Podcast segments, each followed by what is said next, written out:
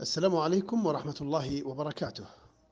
في هذه الليالي المباركات أود الحديث عن موضوع يسير جدا لكنه مهم في الوقت ذاته وهو أن الشيطان حريص على أنه يقول لك لم يبقى من الوقت ما يكفي يعني أنت مقصر في التلاوة مقصر في القيام والآن يقول هذه ليلة 26 فخلاص يعني وش بقى من الشهر لو أنك بتقرأ ولا بتحفظ ولا بتصلي ولا بتستشعر بعض العبادات كان سويتها من الشهر من يوم بدأ.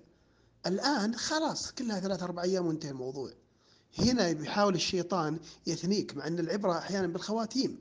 فلو أنك آه، استغليت هذه الليالي الثلاثة والأربع المتبقية وقمتها قياما قمتها بها بحقها وأيضا استغليت وقت النهار واستفدت منه ستحقق من الحسنات الشيء العظيم. لأنك أنت في الليالي العشر في أعظم الليالي.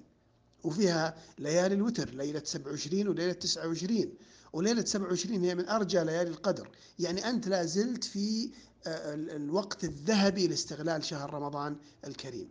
الشيطان حريص إنه يقول لك فات الوقت ما عاد يمديك تلحق وش عقبة؟ لكن صدقني هذه كلها وساوس. يمدي مهما كنت مقصر في الليالي الماضيات وفي الأيام الماضية لا يزال أمامك فرصة لتختم رمضان بخير ختام.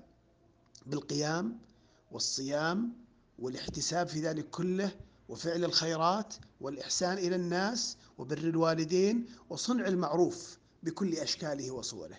هذا الوقت المتبقي وقت ثمين جدا وهو مهم أن نتدارك فيه ما بقي. إن كنت في باقي الأيام الماضية التي مضت كنت جادا ومستفيدا فالحمد لله أتم على ما كنت عليه. وإن كنت مقصرا فهذا أوان التغيير الأخير.